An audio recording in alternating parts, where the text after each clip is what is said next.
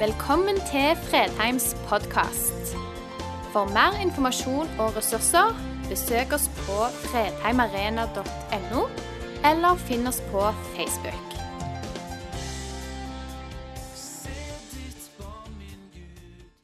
I dag skal vi lese fra dagens eh, bibeltekst, som er henta ut fra Matteus kapittel 15, vers 11 og videre utover. Jesus sa, en mann hadde to sønner. Den yngste sa til faren, Far, gi meg den delen av formuen som faller på meg. Han skiftet da sin eiendom mellom de. Ikke mange dager etter solgte den yngste sønnen alt sitt og dro til et land langt borte. Der sløste han bort formuen sitt i et vilt liv. Men da han hadde satt alt over styr, kom det en svær hungersnød over landet, og han begynte å lide nød. Da gikk han og søkte tilhold hos en, hos en av innbyggerne i landet. Og mannen sendte han, sendte han ut på markene sine for å passe på grisene. Han ønsket bare å få mette seg med de belgfruktene som grisene åt, men ingen ga ham noe. Da han kom til seg selv og sa, hvor mange leirkarer hjemme hos min far har ikke mat i overflod, mens jeg går her og sulter i hæl? Jeg vil bryte opp og gå til min far og si, Far, jeg har syndet mot himmelen og mot deg. Jeg fortjener ikke å være sønnen din. Men la meg få være som en av leirkarene dine. Dermed brøt han opp og dro hjem til faren. Da han ennå var langt borte, fikk faren se han, og han fikk inderlig medfølelse med han. Han løp mot sønnen i møte og kastet seg om halsen på han og kysset ham. Sønnen sa, 'Far, jeg har syndet mot himmelen og mot deg.' 'Jeg fortjener ikke lenger å være sønnen din.' Men faren sa til tjenerne sine, 'Skynd dere, finn fram de fineste klærne og ta de på han, og gi ham ring på fingeren og sko på føttene.' 'Og hent gjøkalven og slakt den, så skal vi spise og holde fest.' For denne sønnen min, han var død og er blitt levende. Han kom bort og er funnet igjen. Og så begynte festen og gleden. Vi har nok eh, alle vært et sted i livet hvor vi opplever at vi kommer på avveie. Et sted hvor vi i større og større grad ser et behov for å endre på den retningen vi en gang satt. Kanskje ser vi også at det kursendringen eller eh, det valget vi en gang satt, det var ikke så smart. Men dagene går. Og For hver dag som går, så blir det vanskeligere å gjøre om det som allerede er gjort. Eller det er iallfall slik da, hvis vi da ikke regner med nåden. Jeg har flere ganger før delt eh, når jeg eh, var ung og skulle, bli, eh, skulle ut for å prøve å bli yrkessoldat. og Jeg skal ikke det ta den historien på nytt, annet enn å si at tre uker senere var jeg på vei tilbake til mamma og pappa mellom, eh, med halen mellom beina, flau, svak, mangelfull. Følte jeg hadde svikta totalt. Å møte noen som virkelig elsker deg når du er på det punktet i livet ditt, det betyr mer enn noe annet.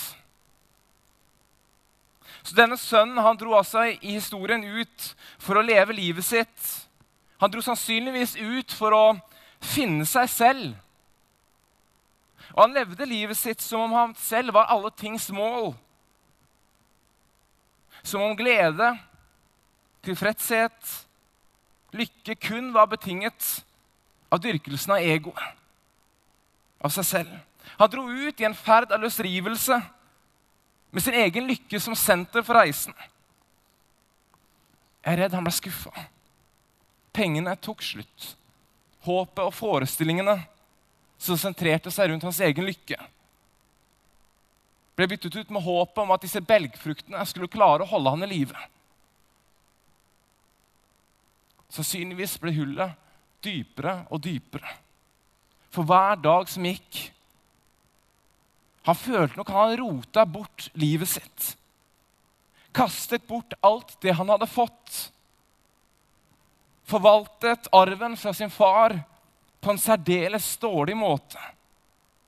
Og dette var det han satt igjen med. Ingenting. Når han da etter hvert kommer til seg selv, som det faktisk står, så skjer det noe i livet etter denne sønnen. Noe møter han der han sitter. Jeg tror ikke det må veldig mye fantasi til for oss å forstå at denne gutten, denne mannen, sannsynligvis satt med skam og flauhet opp til ørene sine. Og han vet ikke hvordan han skal ordne opp i livet sitt. Men han har i hvert fall innforstått med at jeg har gått feil. Jeg har gjort en hel del steg i feil retning. Jeg har tatt en del dårlige valg i livet mitt. Sant Isak av Nineve, en av kirkefedrene, skal ha sagt det slik Det er en åndelig gave fra Gud for et menneske å bli klar over sin egen synd. Det er en åndelig gave fra Gud for et menneske å bli klar over sin egen skyld. Kanskje det er nettopp det vi ser her i den teksten. Og kanskje det er nettopp det som leder til det neste nydelige poenget, eller eh, det neste nydelige som skjer i teksten. For det er midt i sin sår, sin skuffelse, sin anger, sin fortvilelse er det et eller annet som møter denne sønnen, som får han til å tenke den tanken Ja, men jeg kan jo dra hjem. På tross av at jeg har kastet bort alt. Jeg har forvaltet alt på en horribel måte. Jeg kan jo likevel dra hjem. Noen ganger kan vi tro at vi har kjørt oss så fast i en vei at det aldri er en vei tilbake. Og så møter vi historier som denne, som forteller om det stikk motsatte. I 2. Korinterbrev 13,5 så står det en eh, utrolig utfordrende tekst på det å prøve sin tro, som nettopp dagen i dag, bots- og bededagen, i stor grad handler om. Det står 'ransak dere selv'. Om dere er i troen, prøv dere selv. Eller merker dere ikke at Jesus Kristus er i dere? Består dere kanskje ikke prøven? For å være helt ærlig så elsker jeg sånne tekster som det. Som bare går rett på poenget og stiller de vanskelige spørsmålene inn i livet. Prøv dere selv. Nå skal det sies at Paulus, når han sier dette, så var sannsynligvis det en respons til noen mennesker rundt den som stilte spørsmål om Paulus var egnet til å være en apostel i det hele tatt. De stiller spørsmål med embetet hans, og så stiller han det motspørsmålet tilbake til dem. Prøv dere selv. Om dere finner at dere er i troen. Men det er likevel noe med å være villig til å stille disse spørsmålene innover i sitt eget liv når det kommer til de viktigste sakene i livet. Hvordan er det med mitt liv med Gud? Hvor er du i livet mitt, Gud? Lever jeg slik jeg ønsker at jeg levde? Husk den fyren som nå sitter i grisebingen. Han har rotet til alt. Men det er fortsatt et snev av tro der. Så nå får han til å vende tilbake. Han innser at han har gjort en hel del dårlige valg, med grunningen på livet. Det nye møtet med Gud og kanskje det å stille de store spørsmålene får han til å snu. Det er kanskje sånn at som Torbjørn sa, at vi tar steg i det i bønneliv, vi tar steg i veldig mange områder i livet. Men så er kanskje også noe av de nydeligste bønnene som blir bedt. De bønnene hvor vi er på total bar bakke. Alt har rakna. Det er ingen forestilling igjen.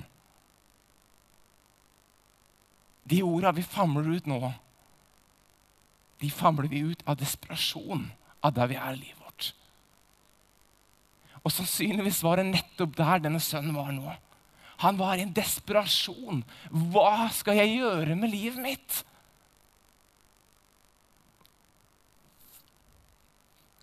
Poenget med disse ransake spørsmålene er kanskje faktisk det å vurdere lever jeg slik jeg ønsket at jeg skulle leve. Og Som lutheranere så vet vi jo at svaret på det spørsmålet som regel vil være nei, det gjør jeg ikke. Jeg er igjen og igjen og igjen fullstendig overgitt til Guds nåde. Jeg er helt avhengig av Hans nåde hver eneste dag. Og vi setter som ny, som sønnen, retning hjemover, mot nåden. Mot en Gud som kan bære over med mer enn det vi kan ane. Hør på den nydelige teksten fra Mika 7, 18-19. Hvem er en Gud som du? En som tar bort skyld og tilgir synd, for den resten han eier. Han holder ikke evig fast på vreden, for han vil gjerne vise miskunn. Herren skal igjen vise barmhjertighet mot oss og trå vår skyld under fot. Du skal kaste alle våre synder ned i havets dyp. Tilbake til sønnen. Jeg er usikker på hvordan han forventet å bli møtt, møtt av sin far. Han må vel likevel ha tenkt det at OK, her er jeg. Det å dra tilbake til pappa det er kanskje likevel bedre enn en del av det andre jeg kunne ha kommet borti nå. Men jeg tror aldri han hadde drømt om nåde. Han forventa jo ikke lenger å være sønn. Han hadde ikke drømt om å møte nåde. Men det var det han møtte. Så han bestemte seg altså for å dra hjem, dra til sin far. Og her starter en annen reise med et helt annet siktemål enn det første han satte i gang. Han er på vei hjem. Og når vi finner han igjen, bare noen vers senere, omfavnet av sin far, ja, da har det skjedd noe i livet til denne sønnen. Og i disse armene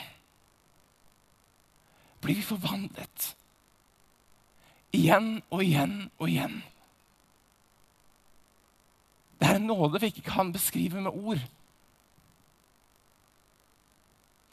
Vi kan alltid snu om til disse armene. Og For sønnen så har det skjedd noe som nærmest kan omtales som et kopernikansk vendepunkt i livet hans. Han har gått fra å leve med seg sjøl og sin egen selvdyrkelse som senter for sitt liv, til å leve for noe som er større enn han selv. Han har startet reisen hjemover. I disse armene går vi fra å leve for mål vi selv konstruerer, til å leve for et mål vi ble skapt for. Fellesskap med Gud. Er ikke nettopp også det synsbekjennelsen til sønnen sier til faren? Far, jeg har syndet mot himmelen og mot deg. Jeg fortjener ikke lenger å være sønnen din. Når vi vet at det greske ordet for synd betyr å bomme på målet, blir poenget enda mer framtredende. Denne sønnen hadde bommet på målet og retningen han satt på livet sitt. Og han måtte gjøre en radikal nyorientering i sin livsretning. Og nå står han sannsynligvis skjelvende i disse to armene. Og han hadde kommet hjem. Eller som faren sjøl sa, denne sønnen min var død og har blitt levende. Han var kommet bort, men se, han er funnet igjen. Så er det altså slik at vi setter en retning og et mål på det livet vi lever her nede. Hva er din retning? Kan det være at jeg og du også av og til kommer på avveie? Setter ut i fart i et spor som vi vet dette her ender ikke godt. Hvis jeg fortsetter i det sporet. Har vi tatt det samme oppgjøret som sønnen i teksten og styre mot disse to hendene? Mot en far som venter oss hjem? Eller er kursen i en helt annen retning? Jeg har fortalt dette eh, slogan Nå står det helt stille hva det er på norsk. Eh, ordtak. Nei, det er ikke ordtak. Det blir feil. Eh, mange ganger før, men jeg mener det også står seg 2019. Og det var et møte i, i London for mange år tilbake. når jeg kjøpte sånn kort reise i undergrunnen der, så fikk, mappe, fikk jeg sånn mappe til det kortet. Og det, det, det er et Ikea-slagord, og det har stått der for meg. Jeg klarer ikke å bli kvitt det i hodet mitt, for det, jeg syns det er så bra. Og det står der 'Travel is a means to an end. Home'. Reisen er med sikte på et endestasjon. Hjem. Vår reise i livet er alltid med sikte på en endestasjon. Hjem. Et mål og en endestasjon vi er skapt for å nå. Det stedet hvor Gud står med to åpne armer og kaller oss hjem. Du kan være helt sikker på at når den gutten satt der ute i den grisebingen, eller mannen satt ute i grisebingen, så tenkte han ikke 'Dette er hjemmet preisen min'. Han tenkte nok 'Jeg er nok fortsatt på vei, men jeg har rota det til'. Historien forteller om en sønn som sløste bort halvparten av det faren hadde brukt et liv på å opparbeide. Og det sier seg sjøl at situasjonen er alvorlig når sønnen sier at han tror han har mistet retten til å være sønn. Hva har skjedd i et liv når et barn føler at det har mistet retten til å være en sønn? Situasjonen var prekær. Men historien forteller dermed også om et menneske. At uansett hvor håpløs situasjonen er, så vil du bli møtt av et fars to åpne hender. Og han sier 'kom'. Bak alle våre fasader som vi setter opp, alle hver oss, så er det mange av oss som strever med livet. Mange ganger er det uforskyldt.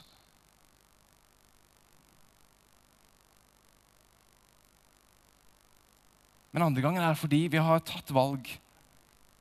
Vi har gjort dårlige valg som blir vanskeligere og vanskeligere å bære for hver eneste dag. Der ute i den grisebingen hadde sannsynligvis vært et enormt sterkt gudsmøte.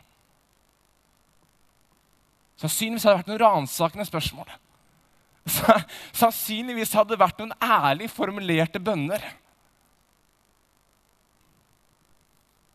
Gud hadde funnet sønnen igjen der ute og kalt ham til å komme hjem.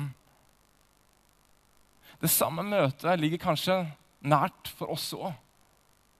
Hver eneste dag. Når vi vet vi har satt ut i feil retning. Men vi sliter med å snu om.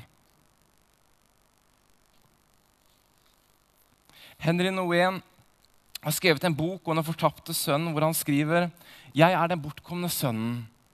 Hver gang jeg leter etter en kjærlighet, en betingelsesløs kjærlighet der den ikke er å finne. Hvem av oss har ikke på et eller annet tidspunkt kommet på avveie? Hvem av oss har ikke på et eller annet tidspunkt følt oss fortapt?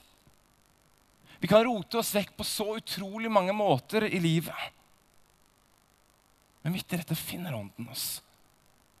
Igjen og igjen og igjen. Og kaller oss hjem. Til fars to åpne hender. Er din retning mot denne åpne favnen? Springer du disse to forvandlende hendene i møte? Hva var det Mika sa? Hvem er en Gud som du? En som tar bort skyld og tilgir synd. Du skal kaste alle våre synder ned i havets dyp. Du har aldri forspilt din sjanse til å være sønn og til å være datter. Du har aldri gått så langt i feil retning at det ikke fortsatt finnes mulighet til å snu. Og sprenge nåden i møte. Kirkefar Augustin sa det slik Det er ingen helgen uten en fortid, og det er ingen synder uten en fremtid. For et nydelig sitat. Det er ingen helgen uten en fortid. Som har også gjort ting han angra på. Tatt dårlige valg. Og det er ingen synder uten en fremtid. Vi får alltid nye begynnelser. Nye muligheter hos Gud. Kanskje trenger du å møte disse armene akkurat der du er i livet ditt nå. Vi trenger alle det fra tid til annen. Eller kanskje kjenner du heller at jeg har lyst til å være de armene i møte med mennesker rundt meg. Viser dem hvilken plass de har for Gud. Viser dem at for Gud er de fullstendig umistelige. Og at de i bunn og grunn kun har én far. Og at han kaller oss hjem og lengter etter oss med disse to hendene. Det finnes mennesker blant oss nå som sitter og funderer på akkurat de samme spørsmålene som den sønnen gjorde i grisebingen. Hva skal jeg gjøre med livet mitt? Jeg har rotet det til. Det finnes mennesker akkurat nå som trenger å komme disse to armene i møte. Og det finnes mennesker iblant oss nå som trenger at vi som disipler i større grad kunne være Guds åpne armer for hverandre. Og kanskje er disse menneskene, eller en av disse menneskene, deg. Hvor er du akkurat nå? Har du løpt inn i disse hendene? Har du latt disse hendene få lov å forvandle ditt liv? Er du villig til å bli disse hendene i møte med andre? Du vet, Sønnen han forventet mildt sagt en beskjeden velkomst. Han hadde kanskje ikke drømt om nåde. Men han fant en kjærlighet han aldri tidligere hadde sett. Det samme skjer for oss. Vi kan tro vi har forspilt våre sjanser. At vi av en eller annen grunn ikke duger. Men han står der, alltid med disse to åpne armene, og venter på at vi skal komme hjem. Har du kommet hjem?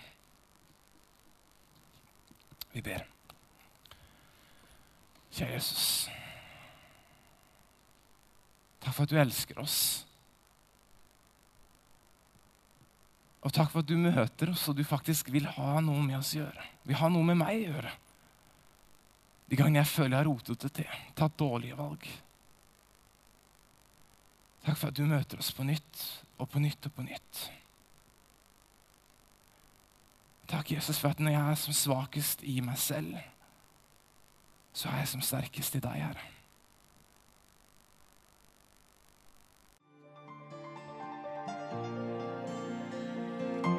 Takk for at du valgte å høre på. Nye opptak legges ut hver uke. Vi har gudstjenester hver helg, og du er hjertelig velkommen.